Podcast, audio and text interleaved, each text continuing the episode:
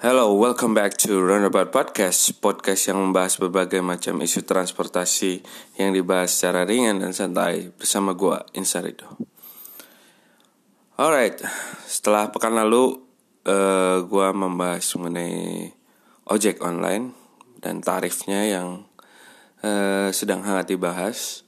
Kali ini gue akan ngebahas mengenai evaluasi dari mudik tahun 2019 Gue tahu ini sudah berlalu beberapa minggu ke belakang, cuma uh, minggu lalu itu baru diadakan evaluasi dengan berbagai stakeholders ya, termasuk Kementerian Perhubungan, terus juga uh, beberapa instansi lain yang terkait seperti kepolisian, basarnas dan lain-lain.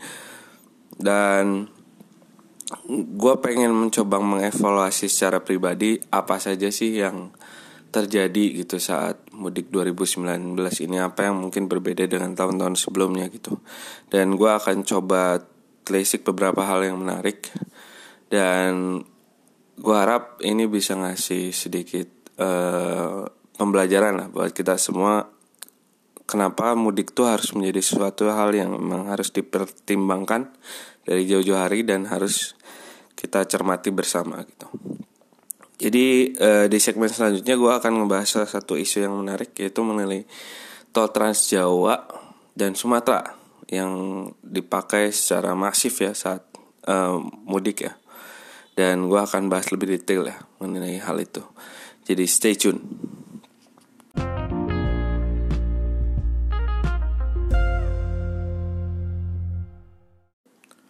So, mudik tahun 2019 ini menurut lo gimana? Menurut lo lancar atau banyak hambatan?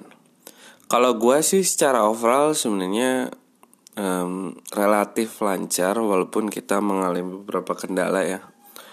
Uh, terutama mungkin kalau dari sisi apa ya transportasi darat ya itu ada beberapa kecelakaan dan walaupun memang sering sih di setiap mudik ada kecelakaan tapi um, salah satu yang terberat itu pas itu yang gue baca mengenai tabrakan di Cipali ya yang cukup memakan banyak korban sampai puluhan kalau nggak salah.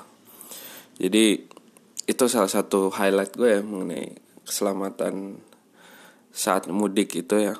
Dan gue di segmen kali ini sebenarnya pengen lebih fokus ke tol Trans Jawa dan Sumatera yang sudah dipakai secara lebih masif lagi dibandingkan 2018 karena memang 2018 dan 2017 ya sebagian itu sudah menggunakan tol Trans Jawa dan Sumatera juga. Cuma memang 2019 ini ada beberapa hal yang cukup eh, baru ya. Yang pertama itu dari jalurnya yang sekarang bertambah banyak terutama di Jawa dan juga Sumatera ya.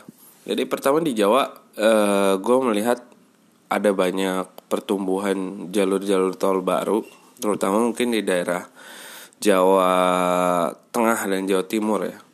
Karena sekarang konektivitas antar kota yang menghubungkan antara Jakarta dan Surabaya itu semakin banyak opsinya, terutama di bagian utara ya, lintas utara ini semakin banyak orang bisa menggunakan uh, tol-tol dan jaringan-jaringan tolnya itu dengan lebih banyak dan banyak opsinya gitu. Dan uh, tentunya ini membuka uh, banyak kesempatan ya buat orang menggunakan mobil gitu. Ya walaupun memang sepertinya dari pemerintah sendiri memang lebih fokus untuk memberikan uh, kesempatan mudik bagi orang-orang yang memang uh, lebih fokus terhadap kendaraan transportasi darat seperti mobil, bis, uh, bahkan motor ya pada pada pada beberapa kesempatan gitu dan gue rasa ya memang pemerintah wajar saja uh, karena memang lebih fokus ke infra infrastruktur tol gitu.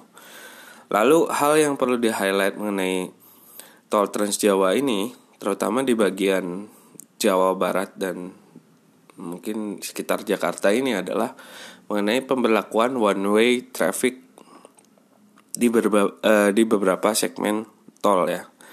Yang gua ingat itu one way traffic itu is, eh, yang ada itu dari Brebes ya. Brebes itu sampai uh, ke arah Jakarta itu sampai Cikampek dan juga uh, pemberlakuan uh, kontraflow ya antara Cikampek sampai hmm, Cikarang atau gue lupa uh, mungkin sekitar Cawang ya gue lupa.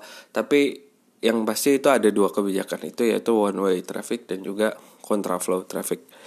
Dan gue sendiri merasakan uh, dari kontraflow traffic ini yaitu saat gue sempat ke Bandung dan balik lagi ke Jakarta. Dan gue ngerasa sebenarnya kontraflow traffic ini cukup efektif untuk uh, mengurangi uh, konsentrasi uh, lalu lintas yang ada di jalur ini ya. Dan yang jadi concern gue adalah saat orang-orang itu mulai menggunakan jalur yang berlawanan misalnya saat sebelum lebaran sebela, eh, sebelum lebaran ini kan yang jalur ke arah Jakarta itu hanya disisikan mungkin satu atau dua jalur bahkan. Uh, satu jalur singkat gue dan uh, satu lajur. Jadi uh, yang ke arah uh, Cikampek itu totalnya bahkan mungkin sampai 5 atau 6 lajur ya. Dan yang menjadi safety concern adalah uh, banyak orang yang ternyata uh, uh, mengendarai mobil dengan kecepatan tinggi di jalur yang kontraflow itu. Dan ini berbahaya sih menurut gua karena uh, tentunya mau segimana pun jalur kontraflow ini memang tidak didesain dari awal untuk bisa dilalui e, berlawanan arah sehingga tetap saja ada kemungkinan untuk orang bisa mm, bertabrakan ya terutama yang dari jalur yang berlawanan sehingga ini harus menjadi concern tentunya. Bukan hanya dari e, regulatornya atau orang yang mengawasi seperti kepolisian dan lain-lain termasuk jasa marga ya sebagai operator tol dan juga penggunanya aja secara umum gitu. Apakah mereka sebenarnya aware mengenai masalah ini gitu. Dan mereka harusnya lebih bisa uh, mengerti lah gitu. Walaupun jalurnya kosong bukan berarti kita harus uh, berkecepatan tinggi gitu. Dan juga saat one way traffic ini yang menjadi concern beberapa orang adalah mengenai jadwalnya yang memang kurang uh, konsisten mungkin ya karena memang sebenarnya catatan dari awal pun mengenai one way traffic ini memang sifatnya kondisional. Artinya melihat kondisi di lapangan seperti apa dan juga mungkin kondisi lalu lintasnya sebat, sepadat apa itu yang menjadi pertimbangan membuka one way traffic atau enggak gitu. Hanya saja mungkin kan orang e, tentunya pengen e, perjalanannya itu lancar dan juga tidak banyak terhambat oleh one way traffic ini gitu. Sehingga ya memang harus dipertimbangkan juga mengenai jadwal yang mungkin tentatif namun bisa bisa diyakini lah karena kita tentunya sekarang di zaman sekarang ini sudah mulai bisa memprediksi uh, traffic yang ada menggunakan uh, big data dan lain-lain gitu. Dan gue harap sih ke depannya bisa menjadi pertimbangan ya terutama buat operator tol jasa marga dan juga pihak terkait seperti kepolisian dan juga berapa ini oh, stakeholders lainnya gitu. Mungkin uh, di segmen mengenai tol Trans Jawa ini udah oke okay lah udah cukup segitu dan gue di segmen selanjutnya gue akan membahas uh, mengenai evaluasi mudik ya secara overall dan juga beberapa uh, poin yang lainnya yang menurut gue cukup menarik ya oke jadi stay tune Yap, uh, Tadi di segmen sebelumnya gue udah ngebahas mengenai tol Trans Jawa dan juga Sumatera.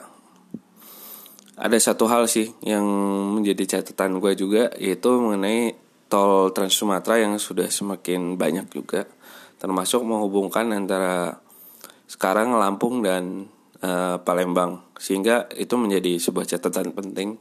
Karena orang-orang uh, Palembang sekarang mungkin lebih mudah untuk bisa uh, mudik dari Jawa ke Palembang menggunakan mobil gitu. Dan itu salah satu pencapaiannya sih dari pemerintah di tahun ini khususnya gitu. Dan sekarang di segmen kedua ini ketiga ya sorry segmen ketiga ini gue uh, pengen ngebahas salah satu isu sebelum ke pembahasan secara umum ya mengenai evaluasi mudik itu.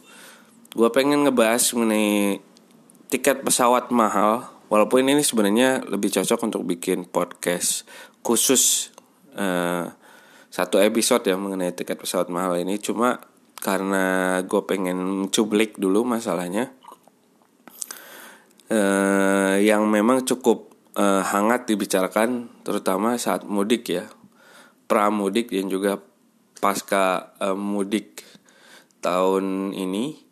Dan sebenarnya apa ya banyak kontroversi di masyarakat mengenai ada yang melakukan screenshot tiket pesawat Garuda itu sampai 13 juta untuk ke Medan dari Jakarta. Walaupun kalau dilihat dari uh, screenshotnya itu ada dua kali transit ya, ya wajar saja gitu. Kalau tiket pesawat hmm, transit dua kali itu 13 juta. Karena memang sekali transit pun bisa memakan banyak biaya gitu. Dan gue sebenarnya cukup uh, apa ya, cukup menyayangkan banyak ada beberapa bukan banyak sih ada beberapa pihak yang memang menggunakan cara-cara seperti itu dengan screenshot 13 juta dengan dua kali transit pesawat itu menurut gue kurang make sense sih. Walaupun memang kita nggak bisa menutup mata gitu bahwa tiket pesawat sekarang tuh harganya jauh lebih mahal mungkin dibandingkan uh, beberapa tahun lalu dua atau tiga tahun yang lalu. Sehingga ya tentunya kita harus melihat masalahnya di mana sih gitu. Dan uh, yang perlu kita sadari adalah memang kalau dilihat secara tren demand dari uh, pesawat ini uh, mungkin mengalami penurunan. Yang yang gue nggak bisa bilang mungkin cukup signifikan ya. Cuma mungkin sekarang orang-orang pun dengan adanya tol Trans Jawa ini mungkin terutama di Jawa itu orang-orang mulai berpikir apakah gue harus menggunakan pesawat gitu. Sedangkan mungkin gue bisa nge-save banyak uang dengan menggunakan mobil gitu. Itu yang pertama. Yang kedua uh, ini mm, dari sisi adanya tol Trans Jawa ini juga memberikan kompetisi yang cukup sengit ya terhadap berbagai modal lainnya gitu. Bukan hanya soal pesawat dan juga uh, mobil ya atau bis atau kendaraan darat lainnya dan juga kereta api. Kereta api seperti yang kita tahu juga salah satu moda favorit saat lebaran ya karena selalu tiketnya selalu habis bahkan tiga bulan sebelum lebaran sehingga uh, kompetisi ini tuh yang membuat dan apa ya menjadikan posisi dari pesawat itu semakin sulit untuk bersaing dengan uh, berbagai moda ini karena mereka memang sudah terlampau mahal gitu dibandingkan mungkin naik kereta yang harganya mungkin sebenarnya nggak signifik secara signifikan berbeda jauh cuma uh, ada perbedaan gitu. Itu yang buat orang-orang ngerasa tiket pesawat oh kok jadi mahal banget? gitu. Dan Eh, salah satu yang memang perlu diperbaiki adalah mungkin dari regulator yaitu mungkin dari pemerintah uh, melalui Kementerian Perhubungan dan juga operator-operator uh, pesawat airline ya seperti Garuda dan hmm, mungkin airline swasta lainnya itu menurut gue memang belum bisa menemukan titik temu ya antara bagaimana kita bisa uh, tetap membuat airline itu menguntungkan tapi juga harganya tidak terlalu tinggi bagi masyarakat gitu.